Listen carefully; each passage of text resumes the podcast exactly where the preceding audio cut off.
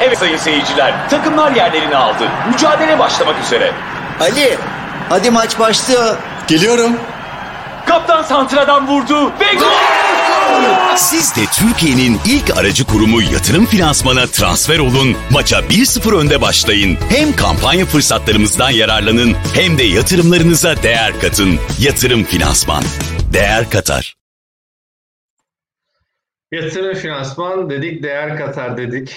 Maça 1-0 önde başlayalım dedik ve hocamızı da aldık. Profesör Doktor Yusuf Kaderli ile Borsa Akademi'nin ikinci yayınıyla karşınızdayız. Hocam hoş geldin.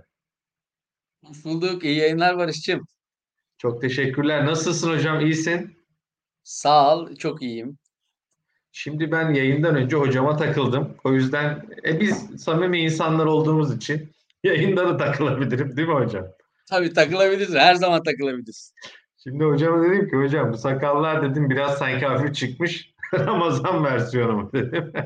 hocam da tabii espriyle karışık. Hem dedi Ramazan hem biraz sakallar dinlensin. Haklı. Ee, ama hocam böyle karizmatik olmuşsun onu söyleyeyim bak. Sağ ol. Teşekkür ederim. Ya o güzel bakışın senin. Eyvallah. Şimdi bu programı niye onu aldık onu da ifade edelim. Geçen hafta biz izleyicilerimizi gerçekten dinliyoruz. Onların geri bildirimleri, eleştirileri her zaman başımızın üstünde. Ee, dediler ki ya işte hakikaten e, güzel bir hani manevi bir iklimden geçiyoruz. Ee, oruçlar açılıyor, teravih e, görevini e, ya, e, ifa etmek isteyen e, izleyicilerimiz oluyor. Ya yetişemiyoruz diye böyle biraz bize mesajlar vardı. Dolayısıyla biz dedik ki e, o izleyicilerimizi kırmayalım. Ramazan'a özel değil mi hocam? Böyle 10 gibi yapalım. Onlar da yetişsinler. George Clooney e, yorumları geliyor hocam. Allah Allah. Ya var ya nereden aklınıza geliyorsa. E, Yusuf Kaderli hocamla şimdi başlıyoruz. Hocam biz bugünkü başlığı ya tepki hareketimin yükselişi. Aslında biz bunu biraz bu hafta pazartesi ve salı günkü hareketleri de değil mi bir izleyerek çok ilginç şeyler oldu hocam. Bunu söyleyeyim. Pazartesi günü borsa aşağı doğru gelirken saat 4 gibi bir anda 4-5 gibi tak yukarı. Dedik olabilir yani. Salı günü karbon kopya hocam. Hatta ben Twitter'da paylaştım. Aşağı doğru gelirken pat bir alış yukarı. Üst üste oldu.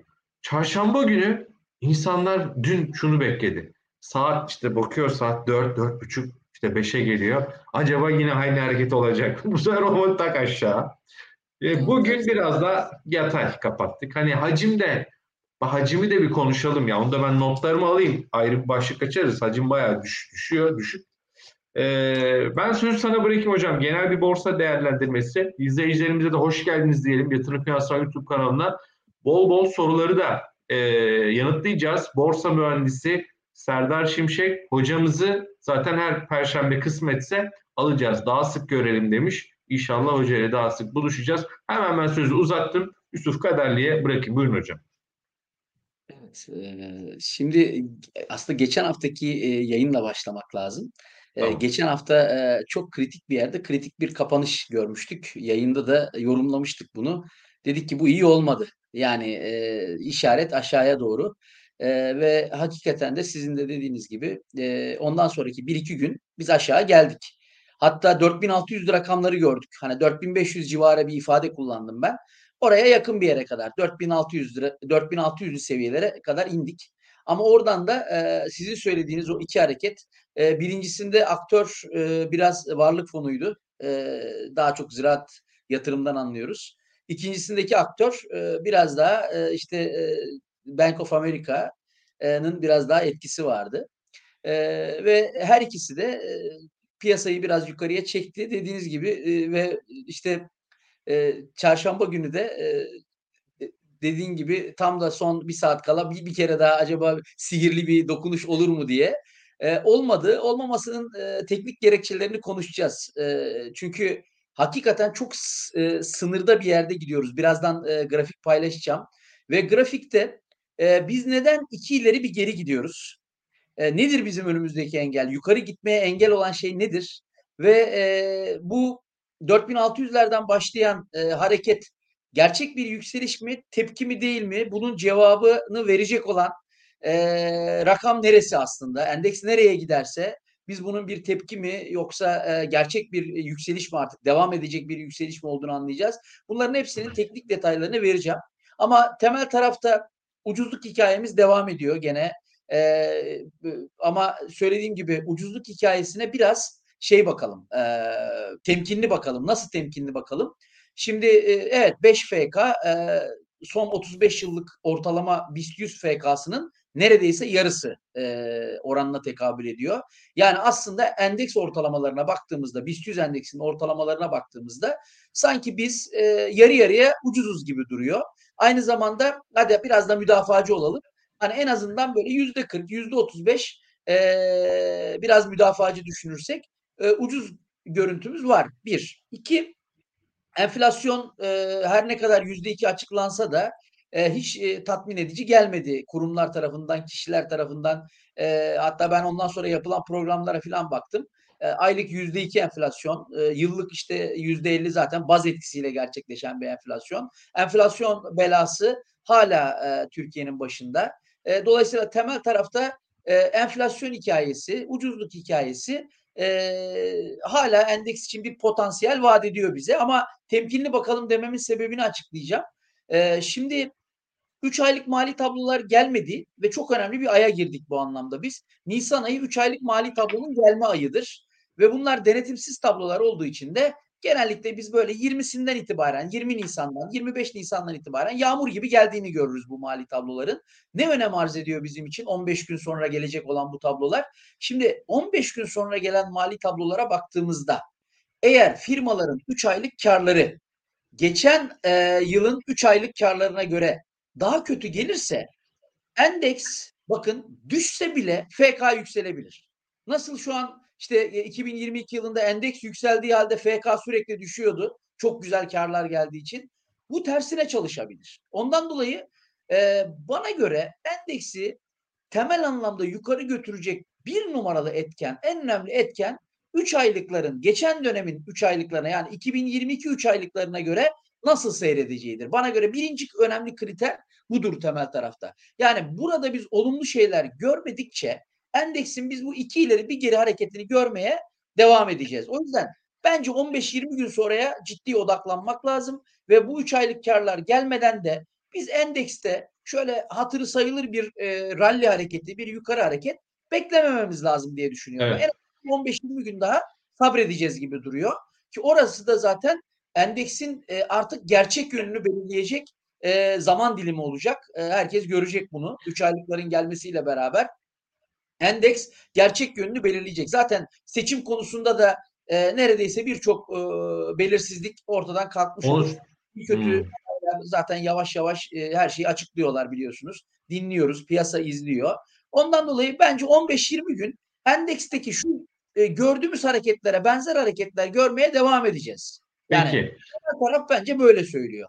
Temel Şimdi, taraf bu. Tekniğe geçeceksin galiba. Hocam değil mi? Geçeceğim tekniğe. Grafik paylaşacağım. Ve ha. aslında evet bu, buyurun. Bir ufak araya gireceğim. Bu arada izleyicilerimizin sorularını da bol bol e, dediğin gibi e, hocam dedi ki Barış yayından önce bol bol soru yanıtlayalım. Dolayısıyla hocamın e, talepleri bizim için talimat niteliğindedir. Hemen yerine getiririz. E, diyor ki mesela Vedat Bey şöyle girelim hocam izninle teknik tarafa. Orada belki hacimi de gösterirsin. Ekranı da e, yine yansıtabiliriz. Sevgili Çağlar yine bu akşam bizimle. E, çok teşekkür ederiz onlara da yardımları için. Bu hacimsizlik diyor. Hacimsizlik dedik ya borsanın satışa doymasından olabilir mi? Buralar dip mi? Yani mesela bu bir gösterge midir hocam? Yani bir hoca gibi bize e, söylesen bu soruyu yanıtlasan hacimlerin düştüğü yer dip işareti satışlar sonrası böyle hacim iyice düşüyorsa grafik aşağı geliyor hacim düşüyor bu çok böyle net ifadeli artık burası diptir denir mi yoksa ya Barış böyle buradan bu mana çıkmaz der misin? Şimdi şöyle bir kere hacimle fiyat ilişkisi diye bir şey var teknik analizde bu kesin. Ee, ve e, hem teknik analiz öğretilerinde kitaplarında da sık sık üzerinde durulur. Sağlıklı bir fiyat hareketinde fiyat yükselirken hacmin de yükseliyor olması lazım. Yani bir grafiğe baktığınızda fiyatın yükselişine hacim de eşlik ediyorsa bu sağlıklı bir yükseliştir. E, sağlıklı düşüş diye de bir şey vardır bu arada. Ben e, dedim ya non-stop yükselmelere e, yükselmelerle yani non-stop yukarı giden fiyat hareketleriyle dinlene dinlene düşe düşe yukarı giden bir trend biçiminde yukarı giden fiyat hareketleri arasında her zaman benim tercihim ikincisi olmuştur. Yani dinlenmeden non-stop gitmesi yerine dinlene dinlene dinlene dinlene gitmesi yani zaman zaman kar satışlarının gelmesi her zaman daha sağlıklı sonuçlar doğurur. Burada da düşerken ne olmalı? Sağlıklı bir düşüşten söz etmek için düşerken hacmin iyice kısılması. Yani fiyatlar yükselirken hacim yükseliyor, düşerken de hacim kısılıyorsa burada gerçekten sağlıklı bir fiyat hareketi görüyoruz demektir. Ve bu çok da ürkütmemeli. Bu, bu tür düşüşler çok da e, ürkütmemeli. Şimdi e, bakın e, biz aslında endeksin son dönemdeki hareketlerini beraber inceleyelim. Şu an ekranı görüyordur herhalde seyirciler. Bakın şimdi, Geldi hocam. Şuradaki yükselişe dikkat etsinler. Şuradaki yükselişe. Bakın hacimlerden de bir trend çizmeye kalkırsam çizginin yönü yukarıya doğru. Yani endeks bir yukarı hareket eğilimindeyken hacim gittikçe yükseliyor. Sonra endeks düşmeye başlıyor ve hacimin trendine bakıyoruz. Burada gene trend bakmak her zaman daha mantıklı.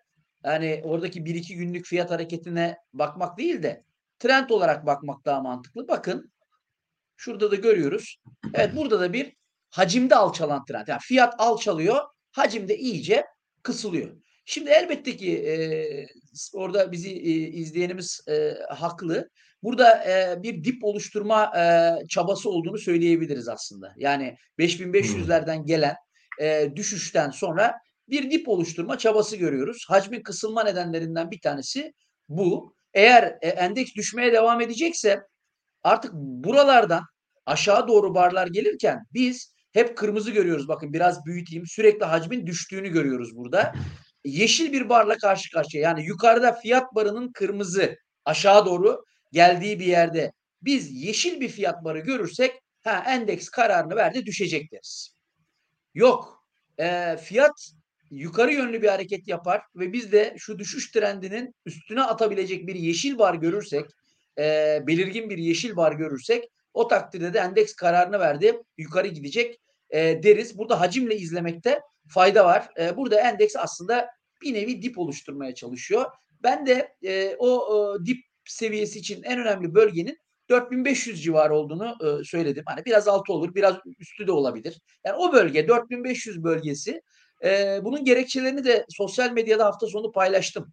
Şimdi bakın geçmişe baktığımızda uzun süren bir yükseliş ve tam da zirvede üçlü tepe, üç aşağı beş yukarı aynı seviyede oldukları için hani e, üçlü tepe diyebiliriz biz bu görüntüye. Bir üçlü tepe görüntüsü var ve formasyonların da kendini ispat etmesi diye bir şey var. Biz e, birçok yatırımcı e, görüntüyle formasyonun kendini ispatını birbirine karıştırır. Yani ikili tepe görüntüsü görür. Bu ikili tepe formasyonudur der. Yanlış aslında.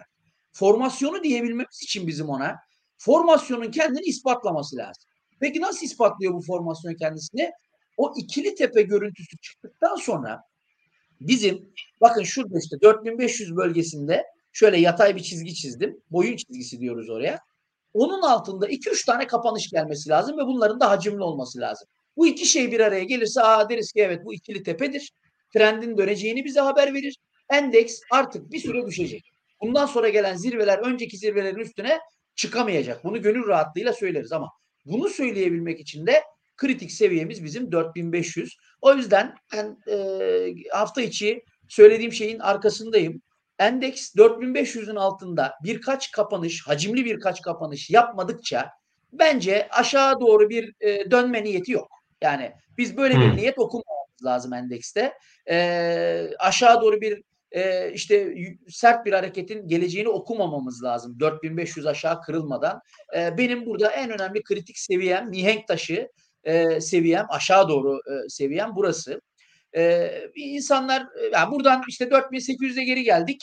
4500'e gelemez miyiz hafta içi? Geliriz. Yani ama gelmesini de doğal karşılamamız lazım. Dediğim gibi teknik olarak oralara kadar, o bölgelere kadar geri çekilmelerde hacim de hala kısıksa hiçbir sorun yok. Yatırımcının bundan korkmaması lazım. Peki, Peki. korkacağı bölge 4500'ün altı ve özellikle buraya hacimli geri geliş. İşte o zaman e, aşağıda çok fazla e, destek noktalarımız yok. E, orası e, 4500'ün altında şöyle yatay bir destek, önemli destek noktası çiziyorum. 4000-4100 aralığı. Ondan sonra da zaten hiçbir zaman işte kırılacağını düşünmediğim şu mavi çizgi şu an çok aşağılarda 3400'lerde hiç oraları olası görmüyorum yani şimdilik en azından ne teknik olarak ne genel anlamda o fiyatları işaret eden e, en ufak bir bulgu, bir gelişme e, yok. E, ondan dolayı bence 4500'e kadar tüm geri gelişleri biz normal karşılayalım. E, 4500'lerde tutunma gördükçe de endeksin yukarı gitmek için bir e, çaba içerisinde olduğunu düşünürüz. Oradan tepkiler gelirse. Peki endeks neden e, işte pazartesi salı o iki tane güzel hareketi yaptıktan sonra e, o beşten sonraki o güzel hareketlenmeler e, orada durdu bu hareketler. Neden iki gün devam etmedi? Bakın şöyle bir önce büyük göstereyim. Şimdi bizim sarı çizgimiz ana trend çizgimiz. Şurada gördüğümüz sarı çizgimiz endeksin ana trend çizgisi ve endeks bunun üzerinde tutunmaya çalışıyordu. Fakat e, gördüğünüz gibi son dönemde son e, işte 7-8 iş günü içerisinde bakın e, biz e, biz bu sarı çizginin altına çıktık. Altına geldik. Ondan sonra dikkat edin. Şimdi ha, tepkilere çok dikkat edin. Altına geldik. Ertesi gün sert bir tepki hareketi. Dikkat edin o tepki hareketi nerede son buldu? Sarı çizgide son buldu bakın. Burası çok önemli. Döndük ertesi gün sarı çizginin içinde kapatsaydık eğer endeks yola devam ederdi. Fakat biraz üstüne çıkar gibi yaptık. Akşam kapanış sarı çizginin altında ve yine o çizgi dedi ki ben direncim. Ben çok önemli bir direncim. Eskiden ana trend destek çizgisiydim. Şimdi artık direnç çizgisiyim. Dolayısıyla bu geçilmeden, sarı çizgi geçilmeden endekse rahat yok. Net söyleyeyim. Yani böyle sürekli yeşillerin geldiği ya da işte bol yeşil az kırmızının e, olduğu günlerin gelebilmesi için sarı çizgi bizim en büyük engelimiz. Bakın buradan geri döndük. Neyse ondan sonra bakın dikkat edin. Tekrar bir aşağı salınım. Biz e, beraber yayın yapmıştık zaten burada hatırlarsanız. Tekrar bir aşağı salınım, uzaklaşma, orayı kırmayı başaramama. Sonra bahsettiğimiz iki gün o güzel hareket, beşten sonra gelen hareketler. Şimdi buraya dikkat edin. Evet birinci hareket, ikinci hareket tekrar sarı çizgiye dayandık. Bakın hareket durdu orada. Oradan yukarı gitmiyoruz. Ertesi gün bir denemeye daha yaptık. Bakın sarı çizginin üstüne gitmiyoruz. Hocam orayı biraz daha büyütebilir misin ya? Var mı imkan? Büyütelim böyle. Heh, daha güzel oldu. Süper. Şu an iyi mi? Evet bakın Çok sarı iyi. çizgi. Yani bu sarı çizgi endeksin yukarı gitmesinin önündeki en büyük engel. Çünkü bir Hocam ne sarı iki- ne sarı çizgiymiş ya. Vay vay. Aynen. Sarı çizgi. Sarı çizgi. Şimdi evet, Sarı şimdi çizmeli o- Mehmet o Ağa bakın- geliyor aklıma. Evet. A- Aynen. Şimdi o e, ana trend destek çizgisiydi. Teknik analizde şöyle bir kural vardır. E, Önemli bir destek kırılırsa önemli bir dirence dönüşür. Ve biraz sıkıştırıyorum tekrar bakın. Bunun önemini görürseniz bakın bunun üzerinde biz aslında e, uzun süredir tutunuyoruz ve her oraya geldiğimizde de ciddi tepki geliyor ve hacimli tepki geliyor bu arada. Dolayısıyla da bakın bundan sonra bizim önemli bir e, direnç noktamız orası. Fakat e, burada bizi tek teselli edecek olan şey e, bunun altında hacimler artmıyor işte. Yani başta sorduğunuz soruya gelelim. Eğer biz bu sarı ana trend çizgisinin altında sert hacimlerle kalsaydık inanın e, çok daha fazla çözülme görürdük aşağıya doğru. Hacimsiz bir e, seyir var şu anda. O yüzden e, bizim kesinlikle ve kesinlikle e, burada a- direnç artık eskiden destek yeni direnç konumuna gelen e, bu e, noktayı geçmeye çalışmamız lazım. Diyeceksiniz ki nereden geçiyor? Yani hocam, bir daha denemeye kalkarsa Ben, hocam ben e, bir, araya gireceğim. Ben şeyi buldum hocam. Çözümü buldum. Bak Evet. iz- iz- izleyicimiz ekrana yansıtıyorum Çağlar izledi. Hocam siler misin o çizgiyi? yani sil o çizgiyi. öyle mi böyle borsanın önü açılsın diyor izleyicimiz ya. Aynen. Valla şimdi normalinde o çizgi yok da biz çiziyoruz. O görünmeyen çizgi başımıza şu anda bela açıyor. Ee, şimdi e, dolayısıyla yani artık tabii e, gülüyoruz ama e, buradan şunu anlıyoruz. O çizginin geçtiği yer e, 5050-5060 seviyeleri endeks 5050-5060 seviyelerinin üstüne geçmeden bir kere bir rahat nefes almayacak. Bunu yaparken de kesinlikle hacim gerekiyor. Hacimsiz geçmeler de geçici olabilir. Çünkü her zaman konuştuğumuz filtre kuralı dediğimiz şey var. O zaman toparlamamız gerekirse öncelikle ve öncelikle endeksin yukarıya gitmesi için e, 5050-5060 seviyelerin hacimli geçilmesi lazım. Buralar geçilmeden oraya kadar yani e, bizim e, aslında yayınımızın başlığı bu hareket e, bir tepki mi yoksa gerçek yükseliş başlıyor mu? Gerçek yükselişin emareleri henüz yok ne yazık ki. Temkinli olmak lazım. Gerçek yükselişin emareleri 5060'tan sonra geliyor. Ve orada da bakın çok ilginç bir şey göstereceğim size. Eğer teknik analizde 4-5 kriter üst üste binerse ve fiyat da bu 4-5 kriterin üstüne ya da altına atarsa aslında biz çok daha güçlü yorumlar yapabiliyoruz. Burada da bakın çok ilginç bir şey göstereceğim size şimdi. Şu sarı çizginin kesiştiği yerlere bir bakalım. Nelerle kesişiyor sarı çizgi dediğimiz belalı bölge? Bakın 5060 dedik şimdilik. Yukarı doğru gidiyor gittikçe. Bakın 22 günlük hareketli ortalama. 5062 şu anda. 50 günlük hareketli ortalama Türkiye'de çok çalışır. Çok kıymetli bir hareketli ortalamadır. Özellikle orta uzun vade bakanlar için. 5096'dan geçiyor ama her gün aşağı geliyor bu arada. Bugün adı üstünde bunlar hareketli ortalama diyoruz. Hareket ediyorlar bunlar. Her gün değişiyorlar. Ama eğilim ne son dönemlerde? Son dönemlerde fiyatlardan ötürü aşağı gelme eğiliminde bu ortalamalar. Dolayısıyla şu anda 5092 gittikçe o da bakın aşağıya doğru gelecek. Bir de yukarıdan gelen 5700'den gelen alçalan trend çizgimiz bakın. O da tam olarak 5070-5080'lerden geçiyor. Yani dört tane önemli kriter öyle bir noktada kesişmiş ki 5050 ile 5100 arası. Bunlar bu noktada iyice kesişmiş durumdalar. Ben kolay kolay iddialı konuşmayı sevmem. Ama şunu hmm. hani e, yıllardır e, bu işi yapıyorum. Hakikaten özellikle 4-5 tane çok önemli seviye kesişmişse ve fiyat da bunu aşamayı başarırsa hacimli o takdirde endeks inanın e, şuradaki o e, uzun süredir devam eden bol bol kırmızı barların olduğu günler biter. Onun yerine biz bol bol yeşil barların olduğu günleri görmeye başlarız.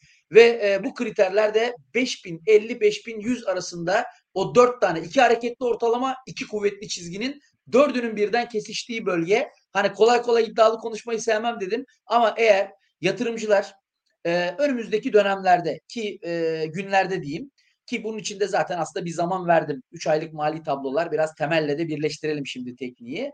Hı hı. Ee, böyle 3 aylık mali tablolar gelmeye başladığı dönemde eğer bu e, fiyatlar endeksin e, değeri 5050 ile 5100 arasının üstüne atmayı başarısı o bölgenin oradaki kritik bölgenin sürekli rakamlar değiştiği için tek bir rakam veremiyorum. O bölgenin üstüne atmayı başarırsa e, çok net söylüyorum e, artık bizim için e, kabus dolu günlerin e, sonu gelmiştir ve bundan sonra hakikaten e, biraz daha hedef, hedef, gel, hedef geliyor mu hedef? Hedef mi? Hedef Tabii söyleyeyim. E, ondan sonra önce 5500 öyle bir şey olursa ilk hedef. Ya yani öyle bir şey hmm. gerçekleşirse doğrudan 5500'e doğru bir atak görürüz. Hızlı bir atak görürüz. Ondan sonra 5500'ün üstünde kapanış demek e, bundan sonra yeni tarihi zirve. 5700 bugüne kadar gördüğümüz en yüksek seviye. 5500 üstü kapanışlarda da artık her an e, yeni tarihi zirveleri de konuşmaya başlarız. Peki. Ama yeter. Şu 5100 bölgesini aşalım. Aşarsak e, dediğim gibi ondan sonrası e, bana sorarsanız çok kolay. Hocam e, canlı yayındayız. Saatler 22-24. Dediğimiz gibi Ramazan vesilesiyle yayınımızı onda başlattık. E, canlı yayında Yatırım Finansman YouTube kanalında. Bizi bu arada sadece bilgisayar telefonlarından değil, evlerdeki büyük ekranlarından, televizyonlarından, YouTube uygulamasında biliyorsun akıllı artık televizyonlar Oradan açıp izleyenler de var. Bütün oradaki izleyicilerimize de, o şekilde izleyen izleyicilerimize de buradan selamlarımızı, sevgilerimizi iletiyoruz. Yusuf Kaderli ile Yatırım Finansman YouTube kanalında abone olan izleyicilerimizin sorularını da e, efendim şöyle ekranlara yansıtıyoruz. Mesela hemen Beyhan Hanım'ın sorusunu izninizle ekrana yansıtacağım. Teknik olarak son bacakta beşli dalga var mı diye. Artık bu işte Elliot dalgaları falan galiba. Beyhan Hanım bayağı hani işin e, böyle tekniğine, uzmanlığına doğru gidiyor. Bu arada kadın izleyicilerimizin bizi izlemesi çok e, mutluluk verici. Bir kez daha söylüyorum. E, onların onlara biraz daha sorularını öne çıkarmaya da çalışıyoruz bir taraftan. Böyle bir durum var mı hocam? Sana sorayım hemen hazır tekniği çizerken. Yani son şu şuradaki düşüşten bahsediyor tahmin ediyorum. Hani burada Elliot'ın dalga teorisinin e, kurallarına tam olarak uymuyor bu e, Barış Bey. O yüzden burada bir beşli Elliot dalgasından söz edemeyiz. Yani sondaki hareketten bahsettiğini düşünüyorum ben hanımefendinin. Ee, yani Elliot dalgalarına e, uyan e, bir e, görüntü söz konusu değil. E, dolayısıyla hani e, beşli set tamamlandı. E, beşli dalga tamamlandı. Artık yükselişe hazırız. Hani e, buradan giremeyiz. Ha, ama yükselebilir endeks dediğim gibi. Ama bu işte beşli bir Elliot dalgası tamamlandığı için değil. Dediğim gibi e, tekrar yükselen trend çizgisinin üstüne atmayı başarırsak gerçekleşecek olan e, bir şey. Bu arada bunun altında kaldığımız sürece temkinli olmakta fayda var. Yani gerçek güvenli bölge az önce konuştuğumuz bölgeler. O bölgelere kadar yani endeks 4800 yarın 5000 5000'e gider. 5050'ye gider işte geçen yaptığı gibi bir, bir iki gün önce yaptığı gibi gider ama oraya oturması lazım. Fiyatın kalması lazım. Biz de güvenle geleceğe bakabilelim. Şu anda biz e, bütün dirençlerin altında seyrediyoruz. Bu dirençlerin altında kaldığımız sürece e, temkinli olmakta da her zaman fayda var. Her zaman geri çekilmeler olabilir ki ben zaten şu görüntüde 4500'e kadar geri çekilmelerin çok normal e, karşılıyorum. Çok kısa vadeli de bir şey söyleyeyim hocam. Hani 4500'e 4600'e yeniden bir atak gelir mi? Gelir. Nasıl gelir? Bakın 5 günlük hareketli ortalama. Şu an onun üzerinde tutunmaya çalışıyor aslında endeks. Birinci direnci bu. Onun üstüne atmayı başardı ve üstünde de tutunmaya çalışıyor. Tam da orada kapanmışız. Şimdi tabii şu andaki 5 e, günlük hareketli ortalama 4893 ama yarınki değil tabii ki. Her gün değişen bir şey bu. Ama yarınkini de çok pratik hesaplayabiliyoruz. Yarın açılışta böyle açılsa bile e, bakın 1, 2, 3, 4, 5 seriden 5. E, fiyatı çıkarıyoruz. Yarın e, bugün e, kapandığı gibi açılacağını varsayıp şuraya yeni bir e, fiyat koyduğumuzda hesaplayıverdim ben seyirciler için yayına çıkacağım için. Yarın 3 aşağı 5 yukarı 5 günlük hareketli ortalama 4913 civarı. Bunun anlamı şu. Yarın endeks 4913 üzerinde kal, kalmayı başarırsa gün boyunca gün içinde eğer gün sonunda 4913'ün üstündeysek biz bu yukarıdaki 5000 bölgesini yoklamaya devam edeceğiz demektir. Yani hala hedef oralar. Biz oralara inatla yoklayacağız demektir. 4913. Yok Peki. yarın 4913'ün altında kapanışlar görürsek yarın akşam işte o zaman endeks e, tekrar 4600'lere 4500'lere yeni bir atak başlatabilir aşağı yönlü. O bölgelere kabaca söylüyorum bu rakamları. İlla da böyle nokta atışı 4500'e gidecek olarak anlamasınlar yatırımcılar. Ama o bölgelere doğru bir hareket başlar. O yüzden bakın yarın çok kısa vadeli size çok da iyi bir destek noktası veriyorum. 4913'ü dikkatlice izleyin. Peki. Altında mı kapatıyoruz, üstünde mi kapatıyoruz? Çünkü kısa vadeli yönümüz de bu belirleyecek. Hocam bu arada SPK bülteni de e, geldi. Hani canlı canlı onu da söyleyelim. Orada e, bir halka arz e, başvurusu onayı var. E, SPK Europower Enerji'nin pay başına 40.60 lira bedelli halka arz başvurusunu onayladı. E, onu da yine canlı yayında iletmiş olalım e, değerli izleyicilerimiz. Şimdi kur, e, yani borsaya yeniden döneceğim. Hatta altında konuşacağız ama bir dolar TL yorumu da alacağım. Ama onun da öncesinde çok hızlıca ve kısa bir yanıt istiyorum senden. Hocam bak şu soru e, dur Ereğli değil. O biraz Ereğli'ye de geliriz. Ereğli de konuşalım. Heh, şu Gökhan Bey'in sorusu. Resesyon tam tamları bu kadar artmışken diyor 3 aylık bilançolara göre yatırım doğru hamle olur mu? Mevsimsellik ayrı. Şu resesyon tam tamları yurt dışı için, Amerika için. Bu hafta gelen veriler biraz kötü geldi. Sen de yakından takip ediyorsun hocam. E, Amerikan 10 yıllık tahvil e, faizi 3.20'lere kadar 3.33-20'lere doğru indi. Yani o 3.5-4'e gidiyor eyvah dediğim şey olmadı. İşte Fed'in faiz indirimi falan artık hani faiz artışları bitti, faiz indirimleri konuşuluyor.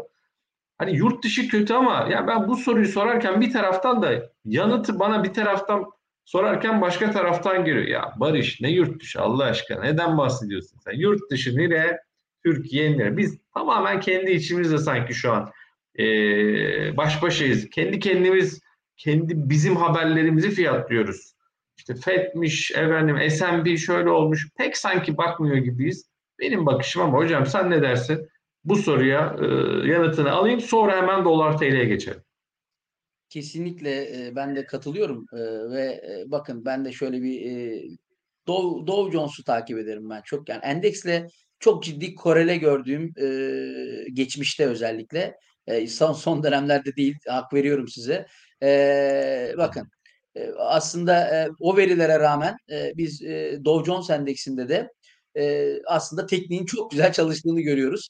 Alçalan trendin üzerine çıktıktan sonra eskiden direnç olan bölge desteğe dönüşmüş. Dikkat edin e, Dow Jones'ta da fiyatlar bu çizgiye geldiğinde yukarı doğru tepki geliyor. İşte 3-4 gün önce aynı çizgiden tekrar bakın yukarı doğru tepki gördük.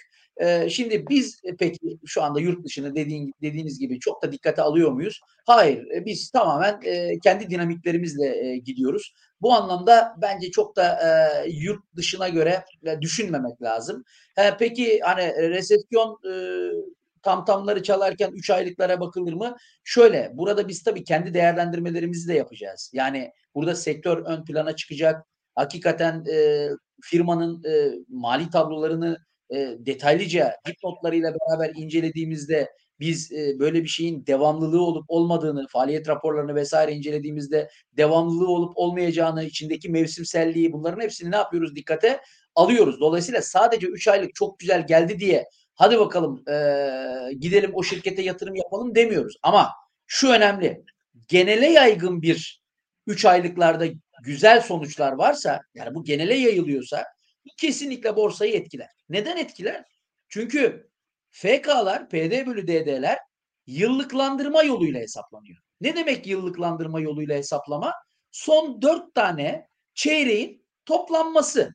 Peki son dört tane çeyreğin toplanması ne demek? E, yeni gelen üç aylık geldiğinde eski üç aylığın seriden atılması demek. Eğer yeni gelen üç aylık gidecek olan seriden ayrılacak geçen seneki üç aylıktan iyiyse seriden düşük veriler çıkacak, yüksek veriler girecek matematiksel olarak da fiyat değişmese bile endeksin fiyatı FK ve PD bölü DD kendi kendine formül gereği baz etkisiyle ne yapmaya başlayacak? Aşağıya gelmeye başlayacak, düşmeye başlayacak. Dolayısıyla da zaten ucuz diye konuştuğumuz borsa çok çok daha ucuz hale gelecek. Hatta 2008 krizinin bile altına düşecek. Düşünün 2008'deki krizi hani hatırlayanlar çok iyi bilir oradaki kabusu. O seviyelerin bile altını görmüş olacağız eğer borsa yükselmezse. E bir de düşüş senaryosu koyun. Borsanın düştüğü senaryoyu koyun. Yani o zaman e, buradaki fiyatlama akıl almaz bir e, yere gider. Yani ucuzluk anlamında, ucuzluk tarafında söylüyorum. Ben de buna evet. ihtimal vermiyorum. Peki. Yani 3 aylık iyi geldikten sonra ben borsanın sert bir biçimde aşağı gelmesine ihtimal vermiyorum. Ha bu piyasadır. Piyasa zaman zaman anormal hareketler yapar. Yaptı geçmişte de. Biz gördük bunu. Her zaman söylüyorum. Pandemide işte e, iki uçak parasına Pegasus'u düşürdüler. Pandemide işte e, bir şeyi marka değerinin e, Türk Hava Yolları her zaman söylerim. Hep bu örnekleri veririm.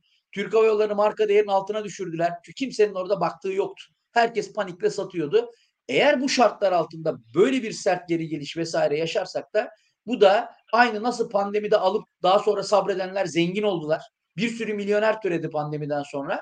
Aynı şeyler bir daha tekrar eder yani. O yüzden çok e, akılcı fiyatlar olmaz, akıl dışı fiyatlar olur. Çok ucuz fiyatlar olur. Ben de buna pek ihtimal vermiyorum ama dediğim gibi benim temel tarafta en önemli kriterim 3 aylıkların nasıl geleceği. Bunu dikkatlice izliyor olacağım. Zaten biz de e, Barış Bey'le e, her hafta yayın yaptığımız için bunlar gelmeye başladığı zaman biz bunları da konuşmaya başlayacağız sizinle. Peki. Hatta ne olacak? İyi gelen, belli böyle kendini gösteren sektörler olursa o sektörlere biraz daha detaylı gireceğiz ve böylelikle 3 aylık mali tablolardan sizin maksimum e, işte yararlandırabileceğimiz hale getireceğiz programlarımızı. Bakın 3 aylıklar geldi. 3 aylıklar içinde ümit vadeden sektörler bunlar. O sektörler içinde ümit vadeden şirketler de işte bunlar. Nedenleri ve gerekçeleri de şunlar diye biz burada inşallah bu yayınlarda da sizi bilgilendireceğiz. Hocam teaser'ı şimdiden yaptı. Ee, yeni yayınlarımızı tease etti. Birkaç mesaj okuyup kura hemen geçelim. Ee, Emirhan Bey, hocam finans kampı sabırsızlıkla bekliyoruz demiş. Ay sonunda Marmaris'teyiz ve Mayıs başı değil mi hocam? Ee, bir kez Çok daha hatırlatalım. Kayıtlar devam ediyor mu hocam finans kampla ilgili? Şöyle ediyor ama Marmaris'te artık hani doluluk oranı yüzde 95. E, dolayısıyla hocam Marmaris'te az, o, e, şey yani var. otel bırakmadın hocam. Bütün yani insanlar Marmaris'e aktı. ya valla nasıl İkinci oluyor? otele geçelim evet. hocam. Yani. E, nereye? İkinci otel. İkinci bir otel. otel daha. Vallahi Zaten yani. iki tane yapma nedenimiz o. Çok ciddi bir talep var. Ee, ve e, biz de o talebi karşılamak için iki hafta üst üste yapıyoruz. Hatta şunu söyleyeyim, inanamazsınız. daha Cunda Finans Kampı'na e, neredeyse 6 ay var. Cunda Finans Kampı için. Yani Doldu en az deme. 5-6 ay. Doluluk oranı %80 düşünün şimdiden. Yani kayıt olma oranı %80. Allah. Hatta ben e, oraya her ihtimale karşı Cunda ayı, Eylül ayı ya dedim ki bana Temmuz'a kadar süre verin. Beşinci bir finans kamp yapmak zorunda kalabiliriz. Yani orada Belli en azından Eylül üçüncü haftası olur öyle bir şey olursa. Eylül'ün iki haftası e, çünkü şimdiden ben hani Cunda çok uzun uzun zaman olduğu için hani yavaş yavaş insanlar hmm. bir de eğitimlere gidiyorum tanıtıyorum. E, bizi tanıyorlar yavaş yavaş. Gelirler diyordum ama şimdiden 6 ay öncesinden yüzde 80 doluluk oranı e, muhtemelen e, bir beşinci finans kampla da ka- karşı karşıya kalırız Barış'cığım valla yani. Ee, evet evet inşallah. E, finans kampta hocamı yakalayıp başını şişirmiştim demiş e, Berk Bey. Estağfurullah. E, sorularınızı alacağız. Ya kur kur dedim de hisse de tabii niye işte konuşmuyorsunuz diyen hisse de konuşalım diyenler var. E, bu arada borsanın vak kusurumuzlu bir izleyicimiz var. Ben de orada olacağım inşallah. Finans kampta e, beraber olacağız hocamızda. Hocamızı yalnız bırakmayacağız. Bir Ereğli gelmişti. Bir Ereğli tüpraş yapalım izninle hızlıca. Ereğli Tüpraş. Sonra kura geçelim hocam. Ee, devam edeceğiz. İzleyicilerimin soruları çünkü. Onları da burada e, üzmek istemiyorum. E, abone oluyorlar. YouTube kanalımıza e, soru soruyorlar. Diyoruz ki abone olanların sorularını yanıtlayacağız. Onları kırmayalım. Hemen e, bir Ereğli ve Tüpraş yapalım hocam izninle. Sözü sana bırakayım. Tabii ki şimdi e, 3,5 milyar sermayeye karşın 18 milyar kar açıkladı Ereğli ama e, biraz geri gelmesinin ardında yatan önemli sebeplerden bir tanesi e, her zaman temettü emekliliği hissesi olarak gösterilirdi e, ve temettü emekliliği dendiği zaman hani borsacılara böyle bir mikrofon uzatsanız temettü emekliliği için hangi hisse deseler çoğunun Ereğli dediğini der duyar gibiyim. E, ve o bir sürpriz yaptı e, ve temettü ödemedi bu sene. Ondan dolayı da e, biraz e, olumsuz bir hareket gördük. Buna benzer bir hareketi geçmişte emlak konut gayrimenkul temettü ödemeyeceğini hatta bir süre temettü ödemeyeceğini duyurduğunda da görmüştük e, uzak geçmişte. Yani 3-4 yıl öncesinden bahsediyorum. Bunun biraz e, dezavantajını yaşıyoruz ama temel tarafta hiçbir sorun yok. Gördüğümüz gibi e, bu e, karla e, bu hisse başına karla bir piyasa değeri bölü defter değeri oranıyla işlem görüyor neredeyse ve 6,5-7 arası bir fiyat kazanç oranıyla işlem görüyor. Her iki çarpan açısından da ucuz bir hisse görüyoruz. Dolayısıyla burada temel tarafta çok böyle aşırı bir aşağı geliş e, potansiyeli görmüyorum hissede. Temel taraf hisseyi destekliyor. Onu söyleyeyim. Ucuz yani. Onu net söyleyebilirim. Peki teknik tarafta durum nedir? Şimdi teknik tarafta da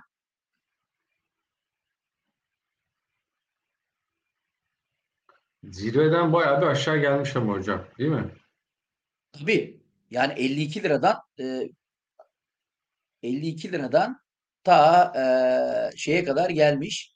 E, 34'lere 35'lere kadar gelmiş. Şöyle söyleyeyim. E, çok da kritik bir e, noktadayız. Hmm. Evet. Bakın hatta hafif altında da kapatmışız. Ana trend çizgimiz bu bu arada. Ee, burada bizi teselli eden tek şey ana trend çizgisi olmasına rağmen normalinde böyle bir ana trend çizgisi gerçekten aşağıya kırılıyorsa hacim görmek isteriz biz böyle bir durumda. Yani ha, hacim olmadığı sürece e, bu ana trend çizgisinin altına aşağısına gelmelerine her zaman biraz soru işaretiyle bakmak lazım. Ben e, bu ana trend çizgisinin altında bir kalıcılık beklemediğimi söylemiştim. Hala da o görüşü savunuyorum. Yani e, bu ana trend çizgisinin altında aynı nasıl endeks şu anda ana trend çizgisinin altında ve 4-5 gündür de devam ediyor. Ama bizim hala eğer şunlar olursa endeks tekrar alıp başını yukarıya gider ve biz eski günlere geri döneriz diyebiliyoruz. Aynı durum tüm ana trendi aşağı geçilen, hacimsiz geçilen hisseler için de geçerli. Evet 35'in altında biraz zaman geçirebiliriz. Ama biz bu çizgiden kolay kolay uzaklaşmayız ve uzaklaşmadığımız sürece de bence bir sorun yok. Tekrar hatta altına gelip tekrar bu e, çizginin üstüne atarsak ana trend çizgimizin o da şu anda 35,50'den geçiyor. E, ama gittikçe de yukarı gidiyor tabii. Her zaman teknik analize böyle bakmak lazım. Yani hoca 35-50 dedi.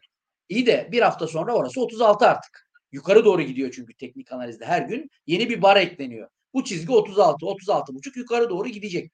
çizginin altında biraz zaman geçirsek de dönüp tekrar biz bu çizginin üstüne atarsak ki benim görüşüm bu yönde bu arada. Yani e, borsayı atıyorum 4500-4600'lere verdiler. Bir geri geliş yaşadık. E, biz de buralarda bir işte 33'lere, 34'lere, 32'lere ne yapabiliriz? E, geri gelebiliriz. Sıkıntı yok ama dediğim gibi ben şu hacimle, şu görüntüyle çok da böyle 35'in altında çok uzun süreli bir kalıcılık beklemiyorum. E, ve tekrar 35,5-36'ların üstüne çıktığında da kaldığı yerden bu ana trendin gerektirdiği gibi yukarı yönlü yola devam edeceğini düşünüyorum. Çünkü bu sene içerisinde de evet. e, hani e, hani bir umut vadeden bir şey var mı sektörde derseniz ya en önemli şey en azından 11 e, deprem bölgesinde ihaleler e, yapıldı. Hatta e, inşaatlar başladı. Temel atma törenleri yapılıyor. E, o bölgeye de e, bir kere en kuvvetli e, demir çelik yetiştirebilecek olan şirket İskenderun Demir Çelik'tir. Ve Ereğli Demir Çelik'te e, bakın buradan da göstereyim. İskenderun Demir Çelik'in e, tam olarak söylemek istiyorum. %94,87'sine sahip. Yani İskenderun Ereğli Demir Çelik'e yatırım yapmak demek aynı zamanda İskenderun Demir Çelik'in %95'ine yatırım yapmak demek anlamına geliyor bu. Ee, evet. O dolayı ben o tarafta da bilançoyu buradan destekleyecek verilerin de yılın sonuna kadar gelme ihtimalini kuvvetli e, görüyorum. O yüzden e, 35'in altı bana sorarsanız portföye e, kademeli olarak Ereğli koymak için güzel fiyatlar. Hatta toparlayalım. Borsa olur da 4500'e gelirse diye. 30-35 aralığı. Bu 34 de bunun içine giriyor. 33 de bunun içine giriyor. 30-35 aralığı portföylere uzun vadeli özellikle bakın yatırımcı mantalitesiyle Ereğli koymak için güzel fiyatlar olduğunu söyleyebilirim gönül rahatlığıyla. Peki buradan bir e, dediğim gibi dolara geçeceğiz. Dolarda yükseliş tahminleri var. Konuşmadan bırakmayacağız ama e, Tüpraş'ta demiştik. De, Tüpraş'ı konuşalım. E, sen grafiği açarken e, 200 günlük ortalamaya çok dikkat çeken bu arada Ereğli tarafına dair izleyicilerimizin mesajlarını görüyorum. E, bir başka izleyicimiz e, yani 200 günlük ortalama önemli e, diye e, şu mesaj sanırım Berk Bey e, yaklaşık 3 yıldır moving average 200 yani 200 günlük hareket 200 günlük ortalama diye anlıyorum ben. Oradan evet. e, destek almış demiş. Ee, Serkan Temel Bey diyor ki oğluma iki yıl önce Ereğli aldım temettü hissesi diye hissesi diye onu da dağıtmayacağı tuttu. Bu mu temettü hissesi diye kızdı bana demiş. Yani, yani Bu evladım arada... diyeceğim. Yani baban sana bir güzellik yapmış. Elini öpüp teşekkür edeceğine bir de babaya kızıyor. Temet, ya hisseyi almış daha ne yapsın? Yani temettüsünü dağıtmadı diye baba kız, babaya kızılır mı? Vallahi çok ayıp. Aynen. Buradan Serkan Bey'in oğluna kızdım ben. Tam da 50 günlük hareketli ortalamanın üzerindeyiz şu anda. Ee, ve 50 günlük hareketli ortalama da şöyle koyulaştırayım biraz. Ee, yeşil çizgimiz burada. Ee, Yine Ereğli ilişkin hocam şöyle, mesajlar. E, Sen gösterirken 33-30'da bir gap varmış. Kapatmaya çalışır mı diyor. Bir boşluk varmış 33 Şöyle, şöyle. Eğer endeksi bir daha 4500'lere 4600'lere çekerlerse bunu da götürür o gap'i kapattırırlar. Onu da söyleyeyim. %90 hmm. ihtimalle kapattırırlar hatta. Yani buraya kadar 34'lü fiyatlardayken 33'te bir gap borsanın geri geldiği bir yerde çok büyük olasılıkla kapanır. Oraya kapandıktan sonra da muhtemelen döner tekrar yukarı hareketi yapar. O yüzden 30-35 aralığı temkinli konuşmamın nedeni o. Olur da borsayı yukarı geri verirlerse bu ne kadar ucuz olursa olsun e, bir ana endeks kağıtlarından bir tanesi mutlaka onu da 33'lere 32'lere ya da işte buradaki gap'i kapatmaya yönelik hareketlere maruz bırakabilirler. E, ama şunu düşünmek lazım. Yani biz daha çok burada traderlıktan çok yatırımcılığı öneriyoruz. Özendiriyoruz. Dolayısıyla da burada yatırımcı bir adam için yatırım kafasına sahip bir insan için 30-35 aralığı kötü bir fiyat değil gelecek için. Onu, onu söyleyebilirim. Hemen Tüpraş'a geçelim hocam izninle hızlıca. Geçelim e, Tüpraş'a da. E, Tüpraş soruları da var izleyicilerimizin. Onu da gördük. E, Profesör evet. Yusuf Kadel'den Tüpraş değerlendirmesi başlığımızda attık. Yani şöyle neredeyse sermayesinin e, 21 katı kar açıklamış. Hisse başına 21 lira demektir bu. Hisse başına 21 lira kar açıklayan şirket 77 e, lirada işlem görüyor. E, bir kere Bölünme çok net oldu galiba değil mi hocam yakın zamanda? Efendim? Tabii bölündü, bölündü. bölündü. Tabii şimdi bölündü. E, bölündükten sonra ben aslında bir hareket beklediğimi söyledim. Ve özellikle bundan sonra burada eğim anlamında şu trendin izlenmesi gerektiğini düşünüyorum. Şu trendin ben çalışacağını düşünüyorum. E, şöyle. Bir de sen o çizerken şeyi de anlat e, Yusuf Hocam bize. Ya bu bölünmeler, bedelsizler niye seviliyor yatırımcılar tarafından? Nihayetinde ha bir tane 100 liradan tüpraşın olmuş, ha 50 liradan iki tüpraşın olmuş atıyorum. Bunun yani ne oluyor böyle? Bölününce bedelsiz geldi bölündü. Bunun şeyi nedir? E, esbab-ı mucizesi mi derler? Niye seviyoruz biz bunu? Bir de bir araya bir anlat lütfen hızlıca. Şöyle, şöyle bir söyleyeyim. Ee, öncelikle benim e, şehir eğitimlerimde e, bu konu anlatılırken e, belki izleyenler tebessüm ediyordur şimdi hatırlarlar. Çok çarpıcı örnekler veriyorum ben orada. E, her zaman da şu ifadeyi kullanıyorum. Bizim yatırımcımız e, bedelsiz sermaye arttırımına, bedelsiz bölünmeye çok anlamsız bir değer veriyor. Çok anlamsız bir değer. Nereden geliyor? Bu geçmişten geliyor. Geçmiş kültürden geliyor ne yazık ki. Yani e, ben muhasebesel olarak da bedelsiz sermaye arttırımının, bedelsiz bölünmenin şirkete muhasebesel tarafta hiçbir faydası olmadığını, değişen hiçbir şeyin olmadığını, o yüzden zaten fiyat düzeltmesi olduğunda da sizin dediğiniz gibi ha 100 liradan bir tüpraş, ha e, 50 liradan iki tane e, tüpraşınız olmuş, değişen bir şey olmadığını muhasebe anlamında da anlatıyorum e, şeyde. Bizde böyle bir psikolojik etki var. E, ne yapıyor bunu da e, tahta yapıcılar, e, spekülatörler ya da manipülatörler? Ya diyorlar ki bizim yatırımcılarda buna böyle bir e, şey var, e, özel bir ilgi, ilgi var. var. E, bunu da ne yapıyorlar? Kullanıyorlar. Özellikle yüksek bedelsiz açıklama potansiyeli olan şirketlerde ya da yüksek bedelsiz açıklayacağı duyurulan şirketlerde bunu mutlaka kullanıyorlar. O haberin gelmesiyle beraber böyle ilme yaratıyorlar. falan diyorlar. E, tabii Hacim oluyor. Işte tekrar başladığı yere geri dönüyor. Çünkü öyle bir hareketin zaten olmaması lazım.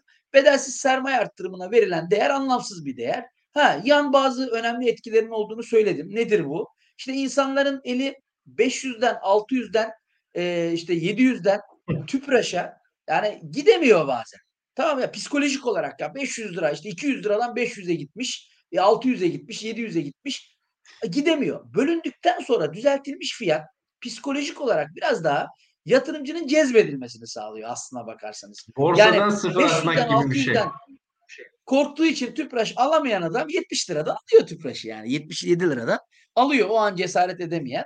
Ama şunu söyleyeyim temel tarafta ucuz ve olması gereken fiyat da 100 liranın üstü bu arada. Baktım şu anda Peki. o temel verilerine. Yani piyasa çarpanlarına göre bir değerleme yapsak bunun göreceli değeri 100 liranın üstünde bilimsel olarak. O yüzden de e, bana sorarsanız orta e, uzun vade için, e, orta vade için hatta bana göre uzun vade için bile değil, orta vade için e, çok büyük olasılıkla elinde tüpraşı bulundurmaya devam edenler, tutanlar 3 haneli rakamlara kavuştuğunu e, görecekler fiyatın. E, bunun için de kritik bölge şu, şu bölge, onu da söyleyeyim teknik anlamda. Tüpraşın e, bir türlü üzerine oturamadığı bir fiyat bölgesi var. E, o bölgede 3 aşağı 5 yukarı konuşuyorum. 85 civarı. Fiyatın önce bir 85'in üzerine oturması lazım. Fiyat 85'in üzerine hacimli bir biçimde çıkarsa e, ki önümüzdeki zamanlarda bu çok olası ki işte 3 aylık mesela bunun en büyük göstergelerinden biri olacak. Yani 3 aylık mali tablo geldiğinde biz Tüpraş'ta geçen yılın 3 aylığına göre daha iyi bir mali tablo görürsek Tüpraş Peki. gelecek 85'in üzerine çıkıp ondan sonra da 3 haneye doğru hareketini başlatacak çok büyük olasılıkla. Şimdi 3 aylıklar gelene kadar da şurada gördüğümüz bölgede temkinli hareket edeceğiz. Yani 74'e kadar bir geri çekilme olabilir. Çok normal. 74'lü fiyatlar görülebilir bu arada borsayı geri verirlerse. Yukarıda da 85. 74-85 arası bilanço gelinceye kadar bu ikisinin arasında bir dalgalanma göreceğiz önümüzdeki Peki. günlerde Tüpraş'ta. Ancak mali tablo geldikten sonra e, kendini e, bu iki çizginin e, arasından kurtarmayı başaracak bilançonun e, performansına göre. E, bu temettü hikayesi e, düzeltiyorum. Bedelsiz hikayesiyle ilgili şöyle mes- birkaç mesaj okuyalım. Araya izleyicilerimizin Yatırı Finansman YouTube kanalına abone olup e, soru yazabilen, yorum yazabilen izleyicilerimizin mesajları psikolojik fiyat düştü oluyor demiş. Hani 300 yerine 60 oluyor mesela. Akın Bey zengin gösteriyor demiş. Severiz biz böyle zengin göstermeyi bazen. Ee, pandemide 60 liraydı demiş yine bir başka izleyicimiz. Pandemide Türk Hava Yolları 10 liraydı ya. Kimse yüzüne bakmıyordu hocam. Türk Hava Yolları pandemide hatırlıyorum ben. Ee, hatta yani o dönemde e, konuşuyorduk. E, çok inanan iz, e, bizim yatırımcı dostlarımız vardı diyelim Türk Hava Yolları'na. İşte 12'den onlara gelince biz işte insanlar panik oluyordu falan. Ya diyordu ya alın alın alın diyordu. Hava Yolları sonra yani resmen şov yaptı. Şu an son dönemde biraz tabii aşağı Buradan geldi selam ama sevgilerimizi iletelim. Perihan Tantu'la e, yaptığımız e, bir programda Selamlar. Türk Hava Yolları 12'den işlem görürken hakikaten e, onun e, bedava olduğunu ve rahatlıkla 50 ile 70 lira arası bir seviyeye gitmesi gerektiğini konuşmuştuk. Her zaman da programlarda hatırlatır hocam 12 iken 50 ile 70 Hmm. arasına gidecek demiştiniz diye. E, çünkü gerçekten çok komik bir fiyatlama vardı ve biz o zaman e, o yayınlar sırasında finans kampı yapıyorduk. Didim'de ikinci finans kampımızı yapıyorduk. O kampa katılanlar bile vardır. Onlar şahittir. E, 12 lirayken e, bunun bedava olduğunu ve e, çok hızlı bir biçimde 50 liraya gideceğini konuşmuştuk finans kampta. Tabii konuşmuştuk derken analizlerle konuşmuştuk. Analizleri konuşturmuştuk orada. Hmm. Onları belki iki defa, üç defa sildik sildik yazdık.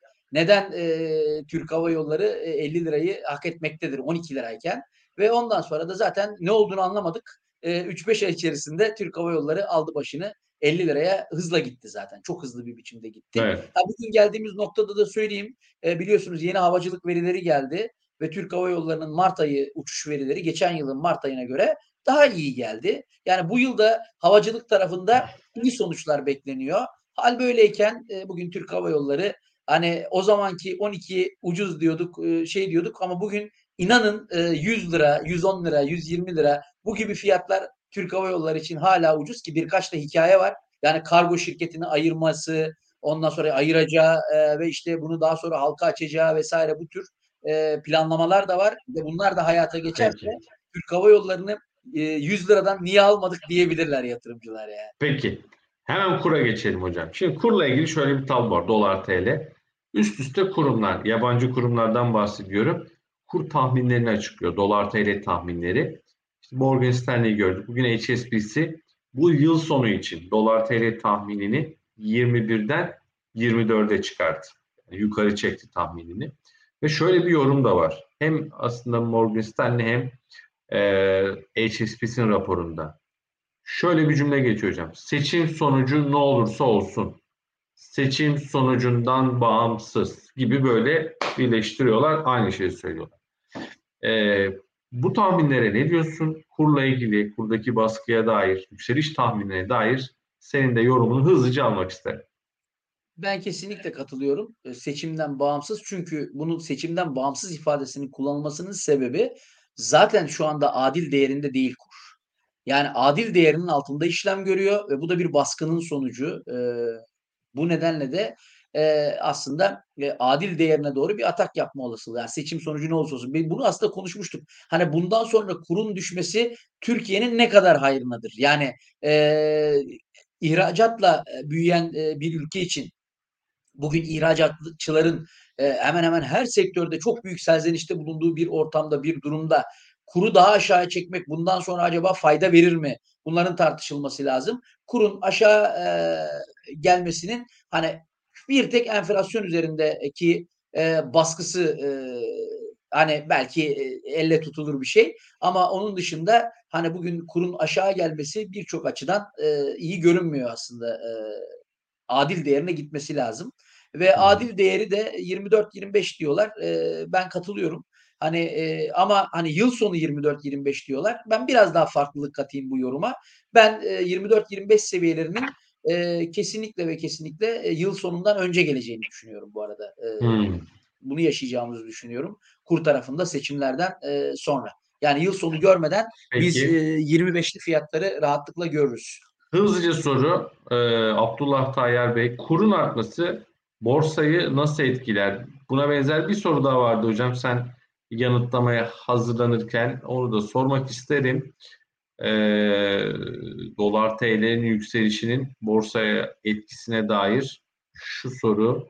borsa kafası diyor. Seçim sonrası beklenen kur artışları şirketler üzerine nasıl bir etkisi olur?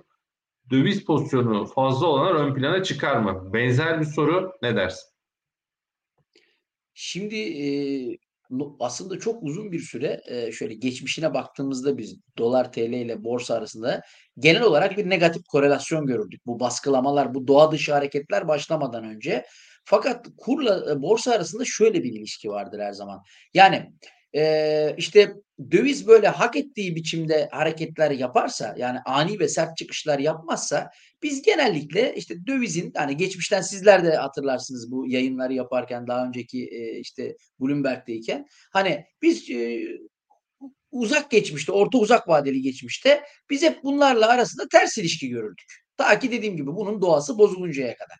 Fakat dövizle borsa arasında şöyle de bir ilişki var. Çok sert kur, kur hareketlerinde yukarı olduğunda diyelim bunun e, borsanın da buna e, eşlik ettiğini görüyoruz. Yani e, ters ayrışmayı bırakın ters ilişkiyi e, kurun yönünde hareket ettiğini görüyoruz. Hatta benim şöyle bir ifadem vardı. E, 7-8 liradan e, dolar 17-18 liraya işte gide, gitme o hareketini başlattığında 10 liranın üzerine attığında aynen arkadaşımızın sorusu gibi soru gelmişti. İşte 7-8 liraydı 10 lirayı konuşuyorduk. Ya hocam 10 liranın üstüne giderse ya borsa bundan olumsuz etkilenmez mi? Şöyle dedim. Hayır. Aksine e, borsa ve dolar kol kola yukarı gider demiştim. Yani hakikaten liraya gidiş hareketini hatırlayın ve borsanın da yukarı hareketini hatırlayın. Kol kola yukarı gittiler yani. Neden? Çünkü döviz bazında e, hisse senetlerimizin aşırı derecede ucuzlamasından ötürü sert hareketlerde. O yüzden dövizde olası bir sert hareket e, yani böyle 25 TL'lere diyelim çok sert bir hareket gördük. 20 liradan sonra ivme kazandığını gördük. Bu takdirde dolar bazlı borsa endeksini aşağı çekecektir. Ee, Her hisse mi gider? Burada seçici olmak gerekir mi olası böyle bir durumda? E, tabii şöyle özellikle e, yani yabancıların döviz borcu olan gitmez herhalde değil mi hocam? Nasıl? Gibi. Yani döviz borcu olan şirket kur yukarı giderken gitmeyebilir gibi. Tabii ki. Yani o çok aşırı döviz borcunuz varsa bu sizi zora sokacaktır. Kur zararı yazacaktır. Şimdi e, şöyle söyleyeyim ben. Bakın e, hatta şunu haftalığa çevirirsek daha iyi olur. Ben şu anda e, yatırımcılara e, döviz bazlı grafiği açtım. Bakın hı hı. şu bölge var ya dipte dip oluşturduğumuz yatay bölge. Şu dip oluşturduğumuz yatay bölge neredeyse 4 yıl sürmüş. Düşünün. 4 yıl boyunca biz şu yatay e, hareketin, şurada gördüğünüz yatay hareketin bir türlü üstüne atamamışız. Ve uzun bir aradan sonra, dört yıldan sonra da atmayı başarmışız. E, ve bana göre e, ben teknik analizin o ana kurallarının, basit ana kurallarının her zaman çok geçerli olduğunu e, düşünürüm. Burada e, buranın üst seviyesi yaklaşık işte 200 dolar seviyesi. 200 225 e, dolar arası diyelim. O, o bölge 200 200 225 dolar arası e, çok kuvvetli dirençmiş bu arada. Endeks bir türlü bakın 4 yıl boyunca bunun üstüne atamamış ve e, artık bunun üstündeyiz. Dolayısıyla ben geri gelişler söz konusu olduğunda endeksin de dibinin artık işte e, 200 225 dolar arası olduğunu yani eski direnç seviyesinin yeni e, destek seviyesi haline dönüşeceğini düşünüyorum. O yüzden olası bir hızlı döviz yükselişinde fiyatlar yükselmezse hızlı aşağı gelir bakın şu grafik. Hızlı aşağı geldiği için de gelir burada şurada gördüğünüz e, şeye desteğe takılır ve oradan da borsa tekrar e, kaldığı yerden yükselmeye devam eder. O, o yüzden ben eğer hızlı bir kur hareketi görürsek hızlı kur hareketinin borsaya olumsuz değil olumlu yansıyacağı e, görüşündeyim. Geçmişte de bunun çok örneğini gördük zaten. Hocam e, bir saate geldik. Bin kişi yaklaşık canlı yayındayız şu an. E, 7'si öncesi yani 6 Nisan'dayız henüz. 22.59 saatler. 7'sine gitmedik. Gidiyoruz. E, TÜPRAŞ'ı yorumladı bu arada. Dolarla ilgili küçük bir grafik. Efendim? Grafik de bakalım mı dolarla ilgili? Bakalım hocam. Bakalım yani. Evet. Ben şimdi tabii. yatırımcılar için hazırlamıştım. Şöyle tamam. tabii ne kadar ilginç bir grafik. Ya e, kurun e, baskı altında olduğunun en e, böyle hani bazen bir şekil e, böyle bin söze bedel E, zaten geçmişi sıkıştırdığımızda görüyoruz. Tarihinde böyle bir hareket yok ama yakın geçmişe bakalım şu anda. Yakın geçmişte de bakın her yukarı gidişte kapanış fiyatlarıdır şu sağda görülen çıkıntılar. Her yukarı gidişte bakın şu çubuklara önemli bir kısmında kapanışlar aşağıda gerçekleşmiş. Fakat e, buna rağmen e, bir formasyon çizmeyi başardım. E, burada bir yükselen üçgen formasyonu var. Bu bir fiyat sıkışmasıdır. Kısa vadeli fiyat sıkışması ve gör, gördüğünüz gibi de bu sıkışmanın tamamlanması için çok da gidecek yer kalmamış. Yani şuraya sığsa sığsa 4 tane 5 tane çubuk sığar. Bunun anlamı da şu 4-5 güne kadar 6 e, gün neyse bir hafta diyelim kabaca bir hafta içerisinde diyelim bir hafta içerisinde e, aslında e, bu sıkışıklıktan kendini bir tarafa atacak ve yükselen üçgen genellikle daha çok yukarı kırılma eğilimindedir. Hani aşağıda kırıldığı görülür ama e, istatistiksel olarak daha çok yukarı kırılma eğilimi vardır. Eğer bu sıkışıklıktan kendini yukarı atmayı başarırsa ki oranın kriteri nedir hocam diye sorarsanız bakın görülüyor burada 19.35 e, orada da bir sarı çizgi var. Ne sarı çizgiymiş diyorlardı şimdi yatırımcılar ya. Kurtulamadık bu sarı çizgilerden. Evet 19.35 bölgesi. 19.35'in üstüne atar ve orada kapanışlar gelmeye başlarsa biz doların ne olduğunu anlamadan 20 liraya gittiğini görürüz bu arada. Ee, izleyin yani 19.35 üstü kapanışlar çok tehlikeli e, dolarda. Hızla bize 20'li fiyatları gösterir. Seans içinde bile olsa e, bize 20'ye doğru hareketler görürüz. 19.35 üstü kapanışlar geldikten sonra her an yatırımcı orayı hedeflemeli Peki. dolar tarafından. Ama orada psikolojik tabii. 20 çok psikolojik bir yer. Hani orada tekrar bir savaş olur ama e, endeks kur e, ben 20'ye gideceğim diye e, bana sorarsanız bağırıyor yani. Hocam hızlıca e, kaç hisse senedi de izninle yapalım.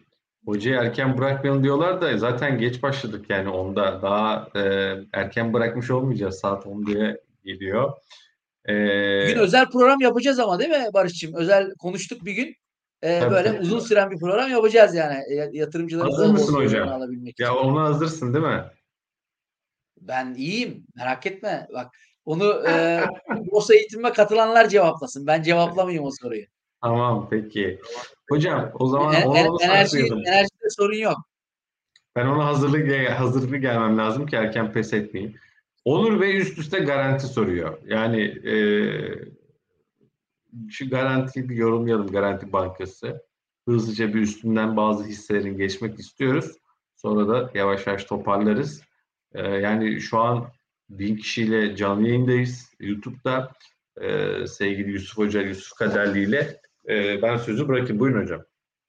Yani garanti tarafı diğer bütün bankalar gibi hala ucuzluk hikayesi devam ediyor ama ben bankalar tarafında her zaman e, kısa orta vade için e, Akbank ve Yapı Kredi'yi daha çok e, beğeniyorum. Garantide artık hisseleri satın aldıktan sonra aslında e, manipülatif hareketlere çok daha açık hale geldi. Senet sayısı inanılmaz derecede e, işte azaldı e, garantinin. Fakat e, ben özellikle ucuzluk tarafında diğer iki hisse senedinin yani Akbank ve e, Yapı Kredi'nin daha ucuz olduğunu e, düşünüyorum. Ha teknik olarak da e, bu arada e, çok kritik bölge garantide 32 bölgesi. 32 bölgesi e, kırılmadan e, yeniden ivmeli ve yukarı hareketler görmeyiz. 32 bölgesi kırılırsa e, çok başka şeyler olabilir. Çok güzel bir ralli başlayabilir garantide. Ama 32 kuvvetli duruyor bu arada orta vade için. Yani şurada gördüğünüz gene e, sarı çizgimiz. Kısa vade için de e, şunu söyleyeyim.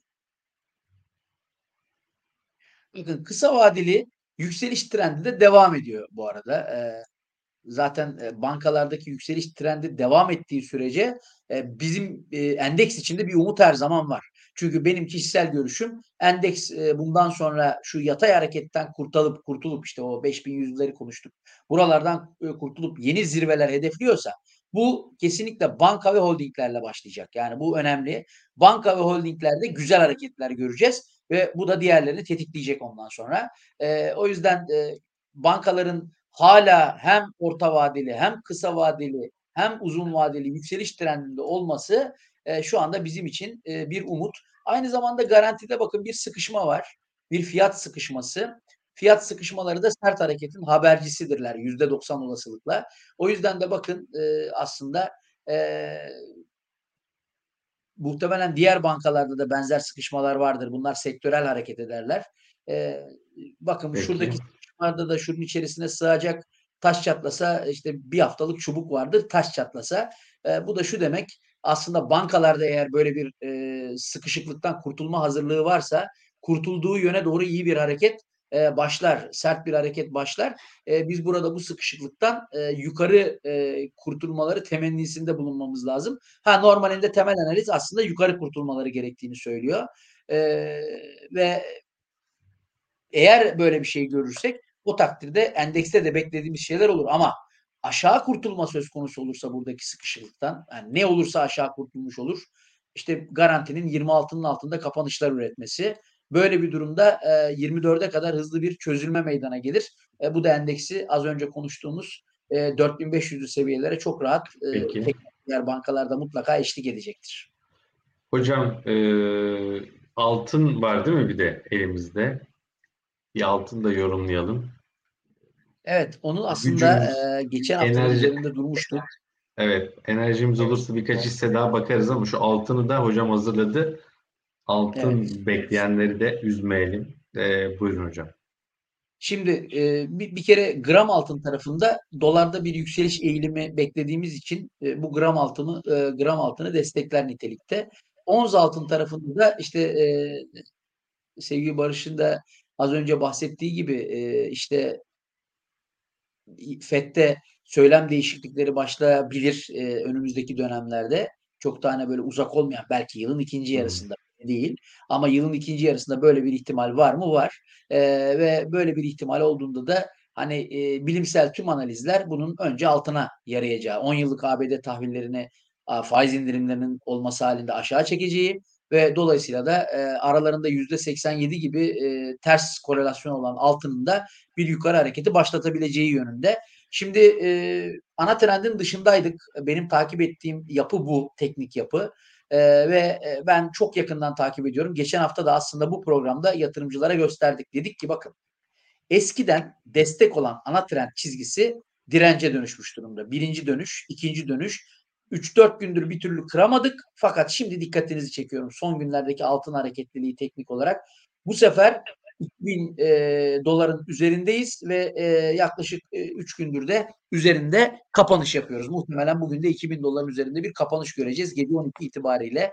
E, 2000 doların altın üstünde kalması çok önemli. Eğer 2000 doların üstünde kalmayı başarırsa ana trend, yükseliş ana trendine geri dönmüş oluruz ve biz hızla e, buralardan bakın 2006-2007 dolarlardayız 2000 önce 2050 devamında da 2070 e, dolarlara doğru bir hareket görürüz ons altında. O da zaten tarihi zirvemiz. Yani üçüncü kere o bölgeye gitmiş oluruz. Ama e, benim kişisel görüşüm 2000'in üstünde kalış devam ederse tarihi zirveye gidip oradan böyle küçük geri çekilmeler olsa bile bence e, dolar e, aman ons altın e, Peki.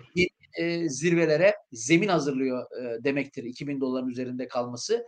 Yani ons altındaki görünüş de e, yukarı yönlü Dolardaki beklentimiz de yukarı yönlü. Bunun e, gram tarafında yerli yatırımcılar, bizim Türk yatırımcılar için e, gram tarafında e, olumlu sonuçları e, olacağını düşünüyorum. Özellikle de yılın ikinci yani. Belki bu bölgeler geçen hafta da söyledim portföylere kademeli olarak azar azar altın koyma dönemi geldi demiştim. E, ben şahsen kendi portföyüme koymaya başladım. E, yaklaşık iki aydan beri, üç aydan beri e, ben e, portföye yavaş yavaş e, altın koymaya başladım. Ben kademeli evet. e, seviyorum. E, o nedenle e, muhtemelen yılın ikinci yarısından itibaren e, belki e, önemli bir enstrüman olarak e, portföyü koruyan hatta e, portföyü e, kazandıran bir enstrüman e, olarak karşımıza çıkma potansiyeli kuvvetli görüyorum altını. Hocam e, dediğim gibi yavaş yavaş sonuna gelen bin kişiyle şu an canlı yayındayız. Abone olan izleyicilerimizin sorularını yansıtıyoruz. Abone olmayanları da Yatırım Finansman YouTube kanalına abone olmaya davet ediyoruz. Çok güzel yeni isimler de aramıza katılacak. Onu da söyleyeyim. Sürprizlerimiz olacak bu kanalda. Ee, çok hakikaten kaliteli yayınlar, çok güzel isimleri, güvenebileceğimiz isimleri sizlerle buluşturuyoruz ve buluşturmaya çalışacağız. Ee, bu e, kurumumuzun ismine yakışan isimlerle devam edeceğiz. Onu söyleyeyim. O yüzden hassas davranıyoruz. Farkındaysanız kademe kademe devam ediyoruz. Burhan Bey çok teşekkür ediyoruz. Efendim Ekmer Bey, Barış Bey pandemi döneminde çok çalıştı. Allah razı olsun görülmüş demek ki. Çalışmıştık. Ya her hafta Ereğli yorumluyor hocam. Bir kere de Enerjisa lütfen demiş. Enerjisa çok geldi. Nedense ne var bu Enerjisa'da açıkçası hiç bakmadım ben bilmiyorum ama sormuş olayım. şöyle şöyle Enerji- hatta e, üst üste Şöyle izleyicilerimiz var. 2-3 günü şimdi yatırımcılar muhtemelen beni de takip eden yatırımcılar e, yaklaşık 2-3 gün önce enerji saha ile ilgili bir paylaşım da yapmıştım. Onun üzerine %15 yaptı e, enerji saha yaklaşık olarak. Ha, E, şimdi e, enerji saha hatta bakın e, ben e, yatırımcıların soracağını da düşünerek dikkat edin bu benim ekranım. Ekranımda hiç hisse yoktur bakın dikkat ederseniz. Tek hisse var şunda solda. Enerji saha hissesi var bakın orada. Vallahi Ee, görmedim ben. Evet. Şimdi enerji sahanın e, benim için birkaç anlamı var. E, bunlardan bir tanesi e, zaten iki yıldan beri eğitimlerimde e, iyi bir temettü emekliliği şirketi olarak gösterdiğim şirket. E, ve bunun da tabii emekli bununla ilgili bir program da yapacağız inşallah sizle gelecekte. İnşallah tabii tabii. E, iyi bir temettü emekliliği şirketinin hani belirli kriterleri olması lazım. O kriterlere birebir uyar ve Sabancı'nın da en iyi emeklilik e, pardon en iyi kar payı şirketidir bu arada. Yani Sabancı'nın kar payı tarafında en istikrarlı ve temettü emekliliğine en uygun yatırımcı oraya sevk edecek en uygun şekilde hareket ettiği şirketi Enerji Sağ'dır. E, ve özellikle de hani bu şirketin geleceğiyle ilgili çok iyi beklentilerim var. Ben e, özellikle e, önümüzdeki yıllarda 2030 yılına kadar e, elektrikli otomobillerin hayatımızın e, çok önemli bir e, yerinde olacağını düşünüyorum ki e, bugün e, yapılan yatırımları görüyoruz. E, Türkiye'ye özellikle işte e, yeni markaların girdiğini görüyoruz ve mevcut kullandığımız markaların da buraya dönüşümleri e, konusunda yatırımlar yaptığını da görüyoruz bu arada. Evet tabii e, şunu da biliyoruz. E, geçtiğimiz günlerde bu konudan anlayan birileriyle konuştum. Yani şu anda zaten Türkiye'nin enerji altyapısı bütün araçların e, elektrikli olmasını kaldıracak düzeyde değil. Yok. Çok ciddi Nerede? problem, e, problem yaşatır Türkiye'ye. Ama kademeli olarak her e, yani e, bu konuyla ilgili tüm sektörlerin buraya bir hazırlık içerisinde olduğunu görüyoruz. 2030 yılına kadar da bu hazırlıkların önemli bir kısmının da meyveleri alınmış olacak. İşte enerji sahada bu noktada eşarj diye bir şirketin %94'üne sahip E, ve e, artık e, elektrikli araçlar çoğaldıkça e, burada en önemli şey menzil problemi olduğu için de e, buradaki o e, şarj istasyonları bizim için büyük önem arz edecek. O konuda çok önemli bir yatırımı var. Artı bahsettiğim dönüşüm için ciddi bir yatırım planlıyor. Yani 15 sadece bu sene 15 milyarlık bir e, yatırım söz konusu. Ya düşünün şirketin e, piyasa değeri işte ben e, tweet atmadan önce 2-3 gün önceye bakarsak şirketin piyasa değeri 25-30 milyardı. 25-30 milyarlık şirket 15 milyar. Piyasa değeri 30 milyar olan şirket e, 15-16 milyarlık e, yatırım yapıyor. Düşünün yani. Hani e, hiç gerçekçi bir tablo e, değil ki e, son Yani ucuz, ucuzluk anlamında söylüyorsun değil mi? Bunu gerçek bir tablo olmaması. Ya, tabii tabii yani yani Hani şirket İnsan şey anlayabilir o yüzden. Ya kardeşim senin etinle budun 15 milyarla nereden yatırım yapacaksın anlamında söylemiyorsun. Tabii. Heh. aslında e, etinin budunun altında gösterdiği için ben öyle Heh. konuşuyorum. Olumlu anlamda konuşuyorum yani. Normalinde çok daha yukarıları hak ediyor piyasa değeri olarak. Halbuki 25-30 milyar piyasa değeri var. Kendi piyasa değerine yakın bir yatırımı sadece bu yıl yapacak. Böyle bir gücü varsa zaten çok güçlü bir şirket. Yani yaptığı a, 1 milyar 2 milyarlık bir yatırım değil ve e, özellikle CEO'sunun da konuşması vardı e, sevgili Murat Pınar'ın e, Bloomberg'te. E, onu da baştan sona dinledim. Hakikaten de kafamdaki bir takım soru işaretlerini de giderdi. Aynı zamanda örtüşen de birçok e, yer gördüm. Bu anlamda özellikle ya ben işte temettü emekliliği, temettü yatırımcılığı yapacağım. Portföye Evet. koyacağım hisselerden biri olsun mu? Olsun. Ya ve e, nitekim sizinle program yaptığımızda neden olması gerektiğini de gerekçeleriyle anlatacağım ben. Neden temettü emekliliğinin en iyi namzetlerinden bir tanesi bu şirket. Bu bir. İki, son dönemdeki hareketliliğin en önemli nedenlerinden bir tanesi. Şimdi şirket e, bir kere 84 milyar gibi bir ciro yaptı e, yılın sonunda. Sermaye 1.2 milyar bile değil.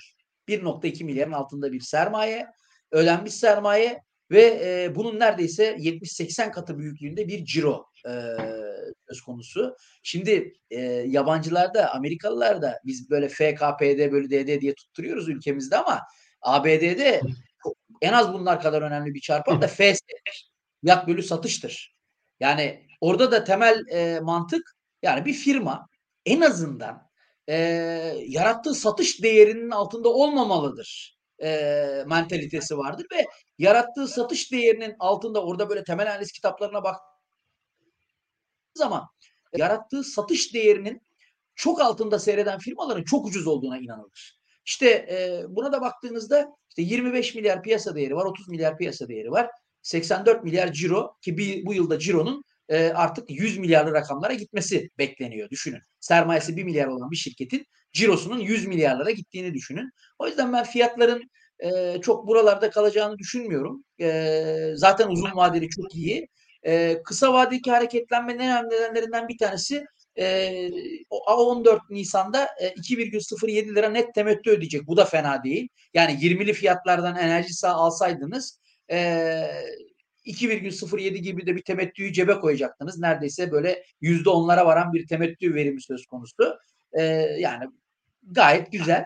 E, ondan dolayı da e, hareketini Peki. başlattı e, ve sermayenin de bu arada yaklaşık 12 katı kar açıkladı yıl sonu itibariyle. Yani 1.2 milyarın altında sermaye ve 14,5 milyar gibi de bir kar gördük. Bunun bir kısmı değerlemeden kaynaklandı. Ama e, faaliyet karı da nereden bakarsanız 8-8,5 milyar civarıydı. Yani mali veriler tarafında hiçbir problem yok. Şirket gelişimi, yaptığı yatırımlar, Türkiye'de e, işte e, enerji dağıtım şirketleri sektörünün lideri konumunda olması, neresinden bakarsanız çok iyi duruyor orta uzun vadeli. Kısa vadeye gelelim. Kısa vadede teknik konuşacak. E, kısa vadede bir kere bakın e, çok iyi çalışan bir kısa vadeli alçalan trend var yakın vadede. Bu da ana trendimiz yükselen trend. Evet bakın e, yükselen trend çizgimiz çok iyi e, çalışıyor. Sa- fiyat yükseliyor, sarı çizgiden tepki alıyor. Tekrar geri geliyor, sarı çizgiden tepki alıyor. Aylar sonra dönüyor. Yine bizim ana trend çizgimiz olan sarı çizgiden tepki alıyor. Bir kere e, yatırımcılar e, bunu yükselen trendde tutmaya kararlı öyle görünüyor. E, ve e, en önemli kısım kısa vade için konuşuyorum. E, çok iyi çalışan bir alçalan trend. Bakın zirveler gittikçe geliyor. Burada da bir beyaz çizgimiz var.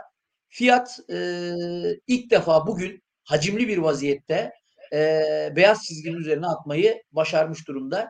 Eğer biz enerji sahanın birkaç gün daha şurada gördüğümüz beyaz çizgi bu arada hangi fiyat onu da söyleyelim 30,50 30,50'nin üzerinde birkaç kapanış daha yaptığını görürsek aslında enerji sahada kısa Peki. vadede e, yeni bir hareket e, yukarı doğru başlıyor demektir. E, bu hareketin ilk e, durak noktası kısa vadeli durak noktası 33,5 olacaktır. Devamındaki e, nokta 37 devamında da 39 civarı e, bizim direnç noktalarımız olacak. Bunun için 30,50'nin üzerinde birkaç kapanış daha görmemiz e, lazım. Ama ben şöyle bakın pratik bir bilgi vereyim. Yine bu da biraz tecrübe. Bakın 5 e, günlük hareketli ortalamanın 22 günlük hareketli ortalamayı yukarı kesmesi özellikle yükselen trendlerde iyi bir al sinyalidir.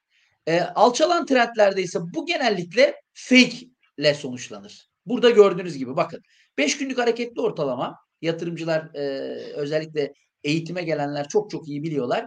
Sarı çizgi 5 günlük hareketli ortalama, mavi çizgi e, 22 günlük hareketli ortalama.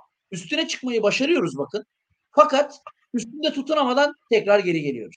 İkinci kere üstüne çıkmayı başarıyoruz. Tutunamadan geri geliyoruz. Üçüncü kere üstüne çıkmayı başarıyoruz bakın burada. Tutunamadan geri geliyoruz. Bunun nedeni trendin alçalan olması. Hareketli ortalamaların en çok hata verdiği yer alçalan trendlerdir. O yüzden alçalan trendler çok tehlikelidir. Fakat 3 keredir fake atıyor.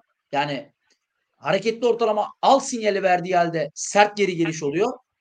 Dördüncü kere biz üstüne çıkacağız. Hocam ya daha sarı çizgi işte mavi çizginin üstüne çıkmadık. Nereden biliyorsunuz üstüne çıkacağını? Matematikten bakın şimdi hareketli ortalamanın formülü ne? Son 5 tane veriyi toplayacağız 5'e böleceğiz. Bakın şimdi 1, 2, 3, 4, 5. Yarın sabahleyin Bu Enerjisa en kötü 31,5-32 arası bir fiyattan kesin açılacak. Seriden çıkacak olan veri 27.40, seriye girecek olan veri 31,5 ile 32 arası. Matematik yani. Çok Nasıl? iyi. Yani diyorum ki bunu bilmek için sakalımızın olmasına gerek yok hocam. Değil mi? Gerek yok. Yani seriden evet tabii ki seriden çıkacak o en düşük veri yarın seriden çıkıyor. O çıktığı için yarın bakın daha kesmemiş şu anda bakın. Ama yarın sabah gözünüzü açacaksınız. Sabah 10'da çok net bir biçimde yukarı kestiğini göreceksiniz dördüncü kere. Diyecekler ki Eğer Aa, işte, Yusuf Kaderli bunu da bildi. Matematik. Aynen. yani. Şimdi, şimdi dolayısıyla da yarın beşinci, dördüncü kere yukarı kesiyoruz. Ve diğerlerinden farkı ne? Artık alçalan trend tamamlandıktan sonra yukarı kesmiş olma ihtimalimiz kuvvetli olacak. O yüzden e, bizim için e, bu 5 günlük sarı çizgi hareketli ortalama yarından sonra çok önemli. Biz burada 2 gün daha kalmayı başarırsak, 2-3 gün daha kalmayı başarırsak artık buradan enerjisa az önce bahsettiğim dirençlere doğru yeni bir hareketi başlatır. Yani dördüncü kere fake e, atacağını düşünmüyorum. Yani e, üç kere ama sanki bu yukarı gidiş e, biraz daha gerçekçi bir e, yukarı gidiş gibi duruyor. Hep beraber izleyelim görelim. Hocam vallahi bir buçuk saate geldik yeter. İnsanlar daha oruç tutan izleyicilerimiz sahura kalkacaklar, yatacaklar. Barış Bey Eğer- yaptıklarım yapacaklarımın teminatı o şeyi siz düşünün yani şu e, birlikteki uzun programı bence siz düşünün yani. Vallahi biraz şüphelenmeye başladım kendimden. O yüzden alıştıra alıştıra. Ee, inşallah haftaya yine bu arada izleyicilerimize söyleyelim. Haftaya Perşembe akşamı yine e, Yusuf Kaderli değil mi hocam? Aksilik olmazsa sağlığımız, saatimiz yerinde olursa e, birlikte olacağız. Valla bin kişiyle canlı yayındayız e, ifade ettiğim gibi. Yani e, şimdi size Saadettin Bey kızıyor bize sormayın diyor. Al- Alarko'yu sormayın. Çok var. Hani hadi Al- Alarko'yu sorayım hocam. Kapatıyordum ama izleyicimiz çünkü biraz Holding'i mi e, soruyorlarmış? sitem etti. Alarko Holding sanırım. E, hadi onu da yanıtlayalım. Kırmayalım.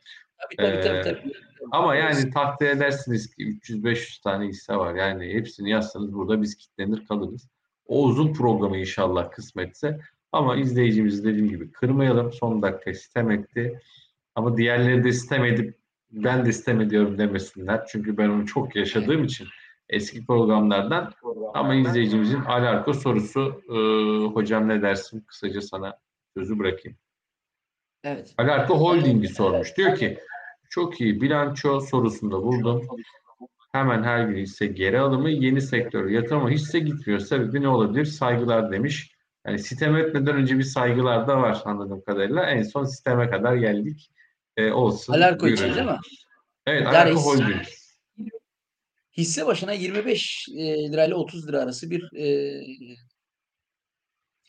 şey açıklamış. E, hisse başına kar açıklamış. Yani hisse başına 25 lira kar açıklayan bir şirket 68 liradan işlem görüyor. Ucuz. Zaten gördüğünüz gibi 2,60 gibi bir fiyat kazanç oranı var.